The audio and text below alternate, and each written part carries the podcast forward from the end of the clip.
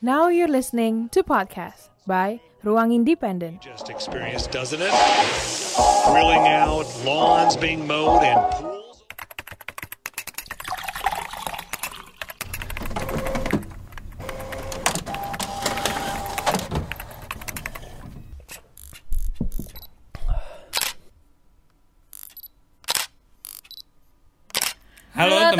semuanya. selamat datang di podcast Ruang, Ruang Independen. Independen. Nah, bareng nih sama gue Keisha dan temen gue. Aditya Perdana Putra, tapi lo bisa panggil gue mungkin PP aja kali ya. Ya udah kepanjangan Aditya Perdana Putra. Jadi kita di sini mau kayak ngobrol santai-santai aja sih. Mm-mm. Selama 20 sampai 30 menit kali ya. Iya. Selama kita Selama bisa. apa? Iya iya iya. Kasih tahu lah, kasih tahu. Ini Oh ya, pokoknya kita sebenarnya ngobrol santai, tapi mungkin bisa dibilang kayak obrolannya tuh lumayan serius. Dan- tapi enggak juga sih. dan terbilang penting malah. penting cuma kayaknya orang bisa relate sih sama apa yang kita omongin ya nggak sih Iya, bener banget karena memang obrolan kita ini bisa terbilang lagi obrolan yang emang kayaknya kebanyakan sehari-hari. Iya, terus dan sekarang tuh emang kayaknya isunya lagi diangkat banget gitu loh. Iya. Kayak banyak banget yang ngomongin. Jadi kita mau ngomongin tentang uh, gender stereotype. Yes. Jadi sebenarnya apa sih stereotype itu gitu kan? Mm-mm. Nah, stereotype itu sebenarnya apa ya suatu label yang disematkan kayak ke suatu golongan atau, Atau kayak satu kaum. satu kaum gitu. Nah, jadi kalau gender stereotype ya kita bakal ngebahas uh, label-label yang di atau stigma-stigma Iya, gitu ya iya. yang biasa orang omongin mengenai gender khususnya di Indonesia. Khususnya di Indonesia. Betul. Nah, jadi gimana, Pak? Awal mulanya. Sebenarnya mungkin bisa kasih contoh dulu kali ya. Stereotip tuh contohnya tuh kayak gimana sih? Contohnya, oh ya boleh boleh. Maksudnya biar orang-orang yang Gender dengerin- stereotype ya. Ah, kayak misalnya gini cewek tuh cengeng, Ah. cewek itu lemah, atau cowok itu nggak boleh boleh nangis, nangis, benar. kayak ya kayak gitu kan itu Benar, benar. kayaknya sering banget nggak sih bahkan Sering banget. orang tua pun mengajarkan kita iya seperti kadang itu kayak gitu. gitu. kamu anak perempuan harus gini kamu anak laki-laki harus gini Iya. kayak gitu seakan-akan kayak eh, bukan Sebenarnya nggak harus seperti itu juga. Jadi iya iya kita nih ngobrol selama 20 menit ke depan untuk mematahkan apa yang selama ini diajarkan gitu kali ya. iya Nggak jadi nggak sih, mungkin nggak mungkin. kayak nggak semuanya apa yang udah terkonstruksi itu benar Hmm, gitu loh Benar, benar. jadi gimana pak awal mulanya Awal mulanya, jadi awal mulanya enaknya dari mana ya kita ngobrolnya? mungkin kayak eh, kenapa ada stereotip itu ada ya? stereotip ini Ha-ha. gitu ya. Kenapa? Mungkin kita lebih spesifik spesifiknya kita ngomongin gender perempuan aja nggak? oke boleh Biar enak gitu Iya kita sih. ngobrolnya. tapi dua-duanya kalau lo mau bahas juga boleh Oke boleh. Jadi kalau dari yang gue ketahuin, kenapa kenapa ada munculnya stereotip gender ini Ha-ha. atau gender stereotip ya itulah pokoknya. Iya, ya. iya. Itu tuh kalau dari gue pribadi mungkin karena dari dulu kita itu udah ada eh apa ya ajaran yang Iya. memang dibentuk seperti itu contohnya Iya. dari dulu yang dari zaman zaman sebelum kemerdekaan itu tuh sering banget eh, wanita-wanita di sini ya Di itu Indonesia. di Indonesia khususnya itu memang tidak dipekerjakan Iya. dan yang dipekerjakan di sini adalah bahkan nggak disekolahin Nggak disekolahin, Ah, bener banget. disekolahin jadi kebanyakan bukan kebanyakan emang semua laki-laki itu harus sekolah Harus dan sekolah. perempuan cuma kayak disuruh bantu-bantu Uh, bantu. eh, Tapi jauh sebelum itu pun memang eh, kayak pernah dengar gak sih kayak istilah laki-laki berburu, perempuan meramu. Iya. Nah, itu, benar, itu dari kayak dari leluhur kayak jauh sebelum kemerdekaan dan lain-lain itu Hmm. memang kayak udah terkonstruksi kayak gitu. Jadi Yes. perempuan itu eh, urusannya di rumah dan laki-laki yang yang keluar. keluar betul banget. Nah makanya banyak banget yang eh, laki-laki tuh mempunyai eh, stereotipnya dia lebih kuat, dia Iya, lebih mampu maskulin be- ya. betul, dia lebih mampu bekerja yang eh, menggunakan tenaga yang Iya. berat gitu kan. Dan Jadi kayak perempuan- Hmm. gara-gara konstruksi itu, maksudnya j- karena ada gagasan itu, jadi kalau ada yang kebalik, misalnya perempuan Iya. kerja atau perempuan kayak meniti karir itu jadi aneh. Jadi aneh. Nah, jadi kayak jadi kayak suatu ke- apa Yang ya tabu, jadi kayak suatu suatu yang- salah kayak salah gitu loh Ah, ah, jadi karena memang mungkin kita menganggapnya itu tidak biasa padahal sebenarnya ya fine fine aja gak sih Iya, jadi kayak dulu juga kayak nyokap gue Hmm. itu dulu sempat eh, kayak berkarir gitu. Hmm. Dan itu dari saudara-saudaranya juga ada saudara-saudara nyokap gue tuh kayak ngomong gitu. Maksudnya buat apa kerja, Kerja. kan suaminya udah kerja. Itu Hmm, anak terus di rumah siapa yang jaga? Gini-gini dan lain-lain. padahal kan kayak mereka nggak tahu ya dalamnya gimana, Gimana? kenapa nyokap gue harus bekerja kerja, dan lain-lain. Nah itu. Maksudnya tuh kayak gitu. Padahal kalau misalkan dipikir-pikir ya mau perempuan mau laki-laki Iya. mau bekerja atau Iya. enggak mau laki-laki yang jaga rumah perempuan yang kerja itu fine fine aja sih sebenarnya. Yes, benar. Dan apalagi ya contoh-contoh kecilnya yang mungkin bisa terbilang salah itu kayak anak-anak perempuan yang sekarang-sekarang ini kuliah atau sedang menjalani pendidikan gitu ya. Mm-mm. Ditanya, "Lu abis ini mau ke mana?" "Ah, gua kayaknya ini aja deh." Eh, Nikah. Langsung nikah aja Iya. deh atau malah kayak seakan-akan kayak nikah itu kayak tempat apa ya tempat untuk kayak escape Iya, gitu loh iya, iya. dari kayak seakan-akan perempuan itu nggak cocok nggak cocok, benar. nggak cocok belajar terus ujung-ujungnya juga ntar lo nikah gitu Nah, ya benar banget. padahal dipikir-pikir kan menikahnya sama laki-laki juga Benar. Nah, Iya, lagi- jadi yang salah dari sini tuh adalah kayak bukan berarti lu sia-sia menjalani eh, pendidikan lu gitu. Jangan sampai lu berpikiran kayak ah percuma lah gue kuliah lama-lama atau ya udah Iya. sih ujung-ujungnya nanti gue jadi ibu rumah tangga Ah, lagi benar. atau gue cuman jadi eh, apa namanya istri dari suami gue yang cuman di rumah aja nggak ke mana-mana ya jangan sampai kayak gitu karena ya lu bisa coy Iya benar. Dan maksudnya dan sebenarnya kalau kita mau kayak membuka pikiran kita lebih luas lagi, Hmm. kayak gender itu kalau kita lihat sekarang tuh nggak cuma hanya ada perempuan dan laki-laki gitu loh. nah Ada juga di luar-luar itu yang mungkin emang sekarang tuh kayak dimarginalkan gitu, kayak Iya. belum terlalu diterima Hmm. sama masyarakat. Cuma karena adanya gagasan-gagasan itu tadi yang Hmm. katanya perempuan harus gini, laki-laki harus gini. Jadi kalau misalkan ada laki-laki misalnya dia demen make up Mhm. atau ada perempuan yang misalnya hobinya apa justru ya? malah lebih Uh, eh, otomotif gitu betul, misalnya betul. Yang selama ini kan otomotif itu lekatnya sama laki-laki laki-laki. Uh, nah itu kan jadinya aneh, aneh. gitu Nah, dan yang sebenarnya gini loh, yang membuat kita salah berpikiran itu karena kita melihat dari sudut pandang kita yang normal, Iya. dalam artian kita yang sebagai eh, misalkan gua gitu ya, gua laki-laki, terus gue biasanya suka otomotif, terus gue melihat satu eh, cewek yang suka otomotif, terus gua ngerasa dia aneh. Iya. Padahal menurut gua itu oke-oke aja. Iya. Itu gua salah Cuma melihat. karena dia sedikit, maksudnya kayak minoritas kan, Nah. yang kayak gitu jadinya seakan-akan nggak sesuai gitu loh Iya. sama ada yang bilang ada yang bilang nggak sesuai kodratnya lah. Benar. gitu. Jadi ini eh, ya sedikit lah gue singgung tentang masalah minoritas di Indonesia. Karena menurut gue minoritas di Indonesia itu yang ngebuat kita menjadi eh, apa ya? Ya itulah kaum minoritas yang sampai pada akhirnya kita kecilkan sampai meng- menjadikan tuh kaum Iya. minoritas tuh Jadi ya kayak yang mayoritas itu seakan-akan mereka kayak punya mereka privilege gitu. Privilege mereka Iya. yang paling benar, mereka Ah. yang selalu eh, menang atau dan dan maksudnya sebagainya. mau benar atau salah karena mereka mayoritas dominan jadi kayak ya harusnya akan mengikuti itu gitu loh Hmm. Hmm. jadi makanya itu sebenarnya kayak lumayan serem juga sih apalagi di media sekarang ini kan Iya, terutama perempuan ya nggak sih betul. kalau di kalau gue lihat kayak perempuan itu kayak ladang apa ya ladang duitnya media gitu loh kayak perempuan eh, media tuh kayak Kenapa tuh? misalnya kayak terakhir nih kasus Vanessa Angel deh Oke. VA Mm-mm. itu padahal kalau misalkan kita pikir-pikir itu kan ada itu transaksi sebuah transaksi Mm. ada yang beli ada yang jual, Ada yang jual. tapi yang disorot itu cuma si Si VA-nya VA-nya doang. karena apa karena mungkin dia dia artis kedua terus dia perempuan gitu Iya. loh dan itu identitasnya diungkap di mana-mana sementara yang laki-lakinya itu di apa namanya Enggak, di enggak terlalu di nggak terlalu di publish, inilah nggak terlalu di dibahas, publish iya. gitu nah jadi Iya.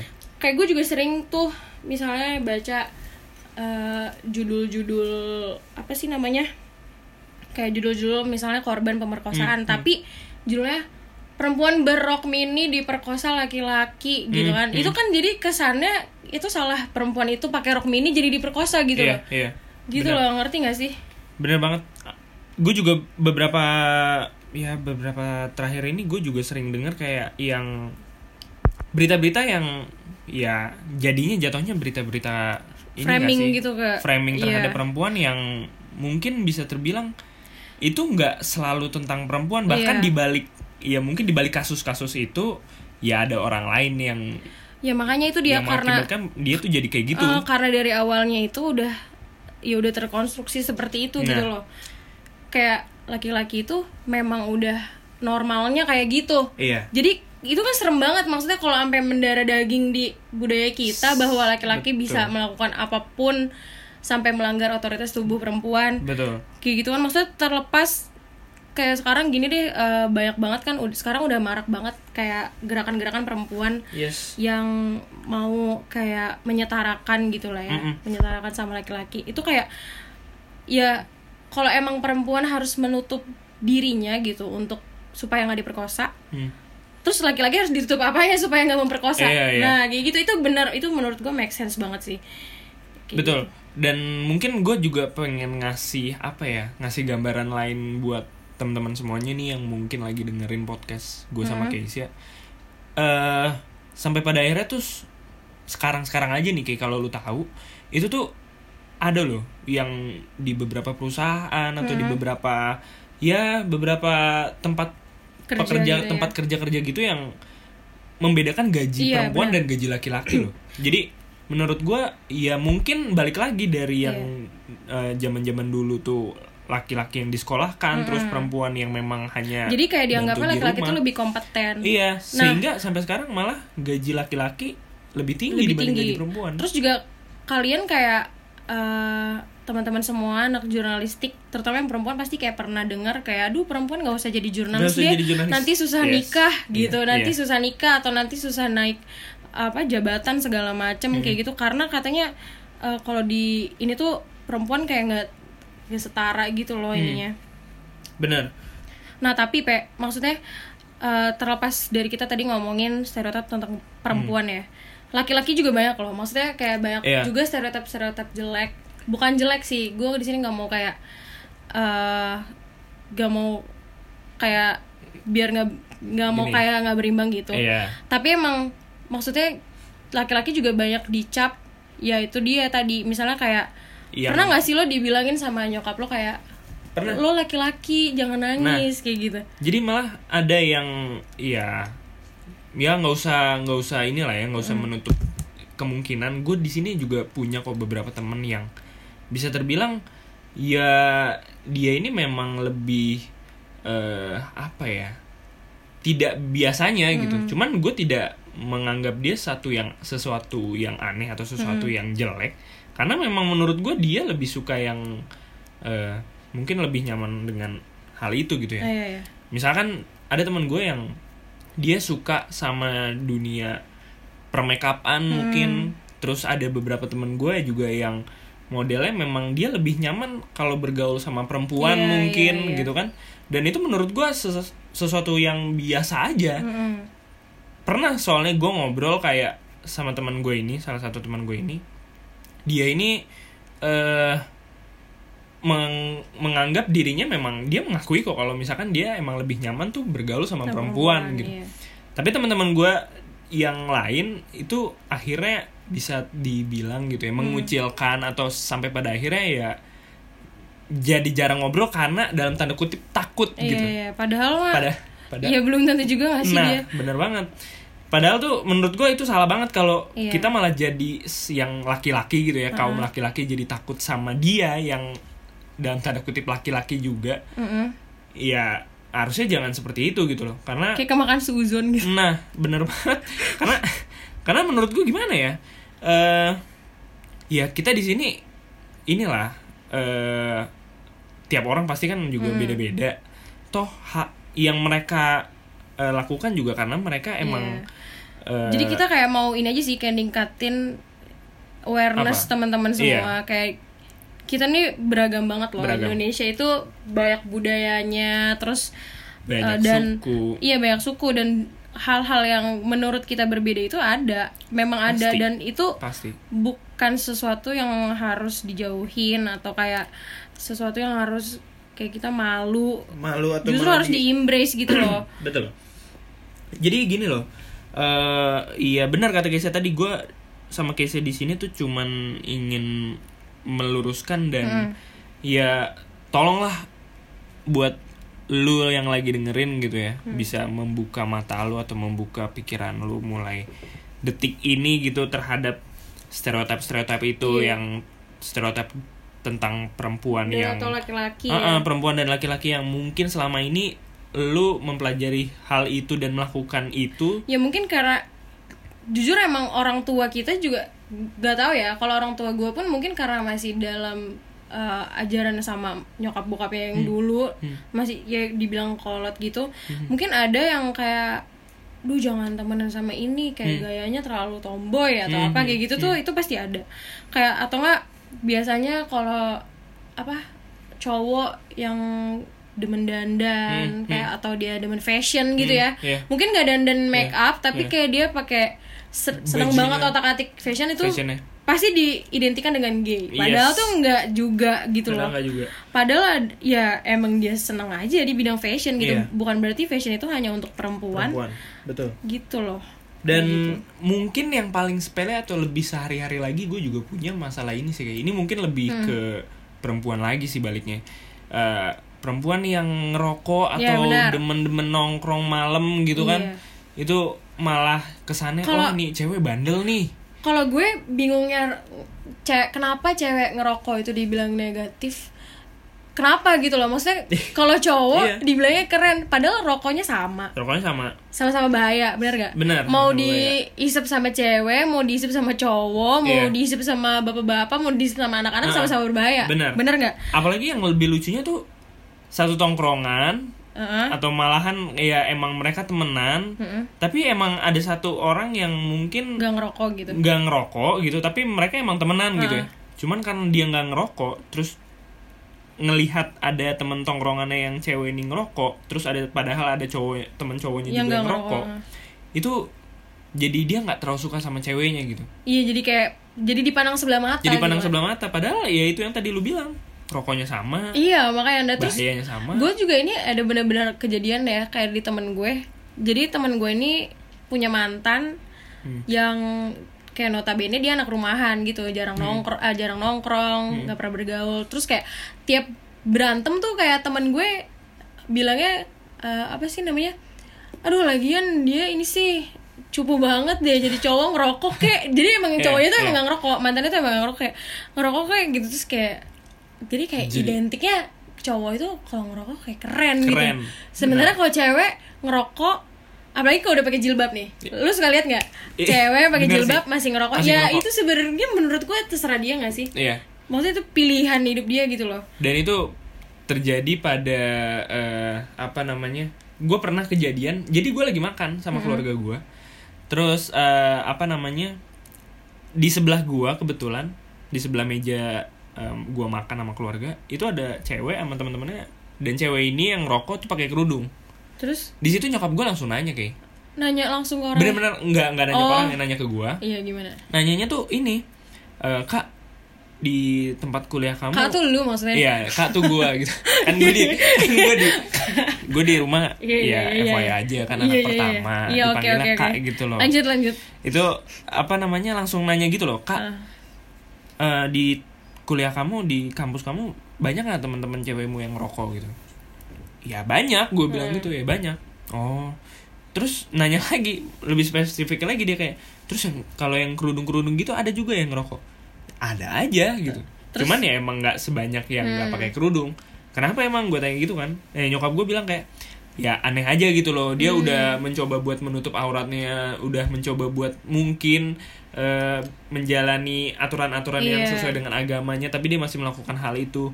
Terus gue bilang, ya nggak ada salahnya kalau Iya misalkan emang dia masih ngerokok juga, ya toh itu ya bisa Tanggung jawab dia tanggung gitu ya. jawab dia terus Iya, sebenarnya dia tidak melakukan salah apa-apa kok gitu kan nggak yang nggak ngerugin orang gitu ya Iya. iya sih dan emang itu maksudnya kayak kepercayaan masing-masing aja sih nah emang kan kalau misalkan kerudung itu kan ya alasan religius lah ya iya kayak kewajiban dan lain Iya. akhlak itu katanya mengikuti atau gimana tapi kan ya Nggak gimana bisa gimana gitu or- sebenarnya. gimana orang menginterpretasikan Hmm. dari suruhan agama itu sendiri gitu Iya. loh jadi orang kan punya ini masing-masing Iya. nah kayak gitu terus juga kalau kita lihat di TV nih kebanyakan itu eh, yang membentuk perempuan itu kalau gue lihat tuh kebanyakan di TV Hmm. terutama kayak iklan-iklan produk kecantikan Hmm, hmm. kayak gitu atau misalnya acara-acara beauty pageant gitu Iya, itu iya. kayak itu menurut gue yang bikin kayak ini loh perempuan tuh seperti ini Hmm.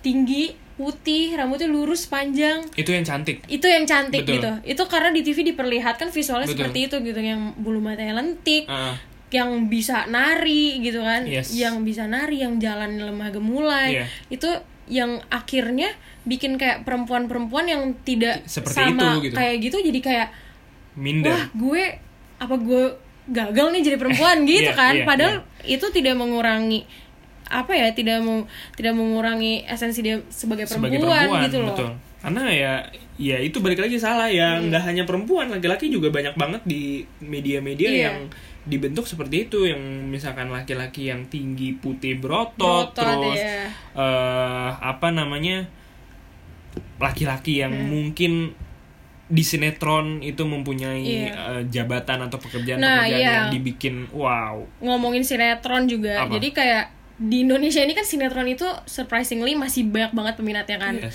mungkin kalau anak-anak zaman sekarang nggak kali ya Nggak. cuma kalau kayak ibu-ibu iya benar banget itu tuh segmennya malah ke sana sih iya masih pada nonton Hmm. dan kalau gue lihat-lihat sinetron-sinetron di Indonesia itu kayak selalu bikin perempuan itu yang cengeng, Yang yang, cengeng. Hmm. demen ngomel-ngomel, yang jahatnya lah kayak gitu. Terus yang gue keselin lagi tuh ya, ini agak lucu sih sebenarnya. Cowok nih misalkan sama suami sama istrinya Hmm. gitu ya. Terus mereka tuh ya sorry tuh saya ya, mereka lagi berantem gitu. Terus si suaminya tuh yang misalkan melakukan uh, kekerasan atau ngebentak si istrinya gitu. Tapi istrinya tuh cuma bisa diem Hmm. Iya, aja. diem aja ya benar. Iya kan? Dan Terus itu bisa kayak secara manut-manut aja gitu kayak loh. secara nggak langsung nunjukin ke orang bahwa kalau ada suaminya KDRT ya lu nggak bisa apa-apa. apa. Nah, iya, jadi itu, itu. kayak menggiring opini orang yang nonton. Kalau kayak istri di ke apa di Dibentak atau dibentak berantem. atau dipukul sama suami, ya udah lu nangis aja. Lu manut aja, lu Iya, diem aja. ibaratnya kayak gitu. Lu nggak bisa belain diri lu sendiri gitu. Nah, Hmm. itu sebenarnya salah banget nih. Jadinya kan ya itulah gimana nggak mendarah daging gitu kan Yes. di Indonesia ini. Mm-mm. Nah itu sih sebenarnya yang mungkin yang framing-framing dari media, framing-framing dari bahkan dari keluarga lu sendiri. Iya. Itu yang akhirnya kita salah kaprah, kita salah salah eh, pembelajaran dari dulu gitu loh. Dan Iya. makanya sekarang gue tuh pengen banget cobalah mulai sekarang lu tuh bisa membuka pikiran lu lagi Mm-mm. agar terbiasa untuk eh, melihat hal-hal yang menurut lu yang tadinya beda, tabu iya, atau beda. yang berbeda dari apa Itu- yang biasa kita nah, lihat. itu menjadi biasa aja. Karena dunia itu nggak cuma segede daun kelor gitu kan. Iya, benar. Tapi dunia itu daun- luas daun banget. kelor apa sih? Nggak tahu. Itu kan jangan asal sebut. Enggak, lah. daun kelor tuh kecil justru. iya, oke. Jadi gue pernah baca tuh konspirasi. Jadi daun kelor tuh kecil, makanya dibilang dunia tuh nggak sebesar Oh, daun kelor. oke, Makanya lu oke. harus lihat ke tempat lain. Oke. Dan ya oke. dan dan gini loh, eh, yang pengen gue tegasin ke lo semua yang dengerin podcast gue sama Keisha. eh tadi gue udah sempet singgung. Buat lo yang masih ngerasa kaum kaum yang minoritas atau kaum kaum yang mungkin menurut lu nggak biasa dengan apa yang lu lakukan biasanya itu jangan pernah lu kucilkan jangan pernah lu eh, kesampingkan atau mah- bahkan lu tinggalkan gitu karena Karena tuh kayak ngeledek kayak di betul karena Gimana? coba ya lu sekarang lihat bukan dari apa yang biasa Iya. lu lakukan tapi lihat dari eh, dari perspektif dari mereka. perspektif mereka betul Gimana kalau kita jadi mereka gitu? Nah. Kayak misalkan itu tuh juga ada gimana ya gue juga merasakan hal itu gitu Hmm. Ketika gue sama misalnya lagi bareng teman-teman gue Hmm. terus gue punya pandangan yang beda Hmm. dari teman-teman gue jadi kalau misalkan gue ngomong jadi nggak nyambung Hmm. dan itu gue jadinya diem ngerti nggak Iya. jadi kayak gue ya udah deh nggak usah dibahas, Nggak usah gitu dibahas. atau misalkan kayak mereka ngeliat sesuatu terus eh, misalnya ngeliat apa dan mereka punya pemikiran yang sama, Sama. kayak gini tapi gue beda jadi kan ibaratnya Kita nggak bisa jadinya dia. jadinya diem Betul, ah jadi betul. diem sebenarnya nggak apa-apa sih kalau emang mau kayak menyuarakan apa yang lo pikirin Hmm, kayak gitu betul. jadi biar apa ya maksudnya biar kita juga sama-sama ngelatih orang juga bukan Hmm. ngelatih sih maksudnya jadi kayak nunjukin ke orang bahwa ada loh orang yang beda pendapat Yang sama beda lo pendapat. dan yang jangan takut untuk mulai gitu Iya. loh Karena memang nggak semua yang minoritas itu salah gitu loh. Mm-mm. Bisa aja memang jadi sebenarnya minoritas yang yang dimarginalkan itu ya karena kita berpikir bahwa mereka beda mereka beda. kalau iya, misalnya kita betul. mikirnya mereka nggak beda ya ya biasa Pasti aja biasa aja. ya biasa aja Iya. ya udah gitu Iya. maksudnya masing-masing aja gitu loh Hmm, hmm. nah terus kalau ngomongin soal Apa? apa nih namanya kalau ngomongin soal framing di framing perempuan di media ini jadi gue sempat baca-baca nih pe Apa tuh? dari remote TV Uh. jadi jadi di remote Enggak. TV itu sempat di uh, gue baru tahu aja lu ternyata suka baca di remote TV juga. ya bagi yang nggak tahu remote TV itu dia media yang suka ngawasin eh, apa namanya Iya. sebuah media yang ngawasin pe- Inilah. penayangan apa Penay sih ya penayangan Iya, benar. iya. Penayangan penayangan Iya, yang, sinetron, iya, iklan, yang ada film di TV, gitu-gitu. Ah. radio dan lain-lain lah Iya. ya. Nah, jadi dia sebenarnya framing eh, tentang framing berita terhadap perempuan itu Hmm. udah dibahas di deklarasi Beijing Platform for Action. Mhm. Yait- Jadi itu tuh sebuah deklarasi internasional yang dimotori oleh Perserikatan Bangsa-Bangsa atau PBB. Mhm. Jadi itu tuh dilakukan untuk menumbuhkan kesetaraan, pembangunan serta perdamaian dunia. Hmm. Nah, dalam konferensi regional itu dalam konferensi regional perempuan Beijing 20 di Bangkok tahun 2014 Hmm. dan konferensi yang sama di tingkat internasional di New York tahun 2015, stereotip perempuan di media merupakan salah satu pembahasan utama. Nah, Oke. Indonesia juga merupakan salah satu negara yang ikut serta dalam konferensi tersebut. Di- oke, oke, Jadi oke. maksudnya Indonesia ini sebenarnya concern juga Udah sama iya. akan hal ini Oh, lah ya. itu udah dari tahun 2015. Tapi sekarang kita 2019, 2019. masih kayak begini aja gitu kan. Nah, mungkin sebenarnya kayak hal itu juga harusnya tuh ditindaklanjuti juga gitu Iya, loh. betul. Sama KPI. Benar, benar. Buat apa ada KPI Buat gitu? ada ada KPI. Karena Kalau malah iya malah ngurusin sensor-sensor malah dia dulu. sensor-sensor benar sih. KPI itu kayak gitu sebenarnya ntar kita yang disensor nih. enggak lah. Tenang aja obrolan kita malam ini tuh Iya. penuh dengan bebas ini. sensor lah ya. nah, terus jadi kan setelah konferensi itu ada putusannya dong. Mm-mm. Nah, akhirnya putusan itu mengeluarkan bahwa eh, pemerintah akan menjamin tidak adanya stereotip di media yang mengakibatkan pada diskriminasi terhadap perempuan di media. Oke. Dan pemerintah akan membuka partisipasi terhadap perempuan di media dalam menggunakan teknologi. Hmm. Pemerintah juga memastikan tidak ad- tidak akan ada terjadi kesenjangan dalam penggunaan teknologi dan adanya kebebasan berekspresi. Oke. Katanya gitu. Katanya Iya, iya. sih. Jadi ya itu tadi lah buat lo semua. Tadi kan udah ada tuh di remote TV ngebahas kalau misalkan Ya, emang jadi sebenarnya pemerintah Indonesia tuh pemerintah udah aware udah lah aware terhadap tentang hal, hal ini. ini. cuma mungkin untuk merubah itu juga nggak segampang Semudah. ngebalikin tangan gitu ya kan balikin telapak tangan. iya gimana sih Bukan tangan kalau tangan dibalikin oh ya ya ribet. ya kan tapi ngebalikin tangan juga gampang Iya udahlah udah ya. pokoknya gitu nah terus juga jadi kayak kita butuh apa ya kesadaran nih Hmm. apalagi kita kan anak-anak muda agent Iya. of change ya nggak sih Bener. agen perubahan Bener. jadi kalau bukan kita yang bersuara siapa lagi Betul. bener gak? Karena memang ya ini bukannya gue bermaksud apa-apa kayak siapa pun pemimpinnya. Kalau kita bawa pemilu lagi bukan pemilu, maksud gue ini gue pengen sambungin ke apa yang kita bahas. Oh. oke Siapa pun pemimpin kita nanti di 2019 ini, iya kalau dari masyarakat kalau kita yang gitu-gitu aja sama Nah, aja, sama aja. benar Karena yang merubah tuh sebenarnya masyarakatnya, bukan Iya. pemimpinnya gitu loh. Pemimpin hanya ngebentuk ngebentuk eh, peraturan, ngebentuk apa yang ngejalanin kan ya ya kita kita sebenarnya lagi. kita yang harus apa ya bisa lah kayak Hmm. punya pemikiran yang lebih terbuka lagi Iya. bisa menerima ih perbedaan itu indah loh pe betul ya nggak sih betul perbedaan itu indah terus ya kedamaian itu lebih indah sih kayak bener Iya kan tapi kan mau damai harus nerima harus perbedaan nerima perbedaan bener nyambung lah mas Iya, lu iya. jangan ketawain gua gue gitu gak ngetawain lu gue ketawa aja nah terus nih kalau misalkan menurut remote TV itu tuh ada tiga persoalan yang harus dilakukan supaya pemerintah itu bisa Hmm. memperbaiki nasib perempuan melalui media. Betul betul Nah, yang pertama, pemerintah itu harus menjamin adanya partisipasi yang melibatkan perempuan dan kelompok rentan dalam media. hmm. Ngerti nggak maksudnya? Eh, ngerti sih Ya, jadi maksudnya dalam eh, pembangun pakai proses ya penayangan sesuatu di media itu harus melibatkan perempuan juga jadi supaya ada sudut pandang dari perempuan. dari perempuan betul Terus yang kedua, pemerintah harus menjamin adanya perbaikan pada nasib buruh perempuan media, itu maksudnya jurnalis. ya Buruh media yang perempuan gitu kan. Iya yang tadi betul katanya yang tersusah nikah lah, yang gajinya lebih Gaji lebih kecil, kecil, lah. Nah, iya. itu harus disetarakan.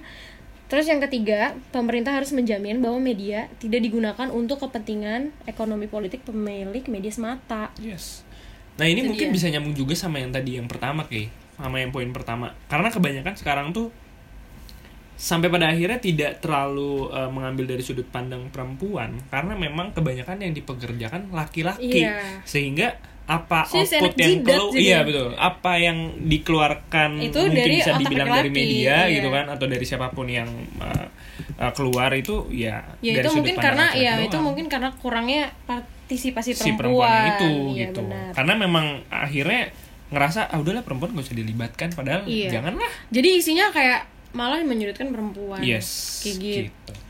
deh. gitu jadi eh buat lu yang dengerin kita udah nemenin lo semua Iya, kayak kita 30 ngomong banyak ya. banget, banyak Pe. banget kita udah 30 Iya, menit loh ya ngobrol-ngobrol gini bosen.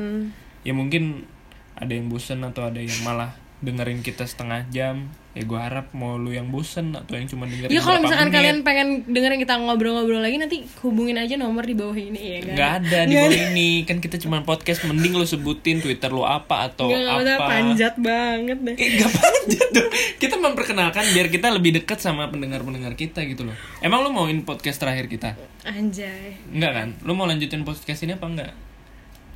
Lanjutin. Iya oke oke. Kata produsernya iya gitu. ya udah. Ya udahlah ya.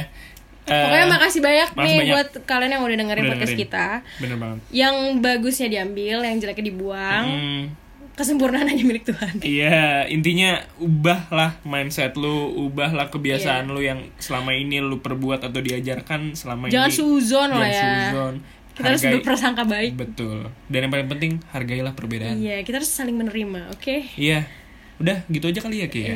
Salam ruang independen. Bye bye. Yeay. Gua Pepe Gua dan Keisha. kita pamit. Dadah. Sampai jumpa lagi. Bye bye.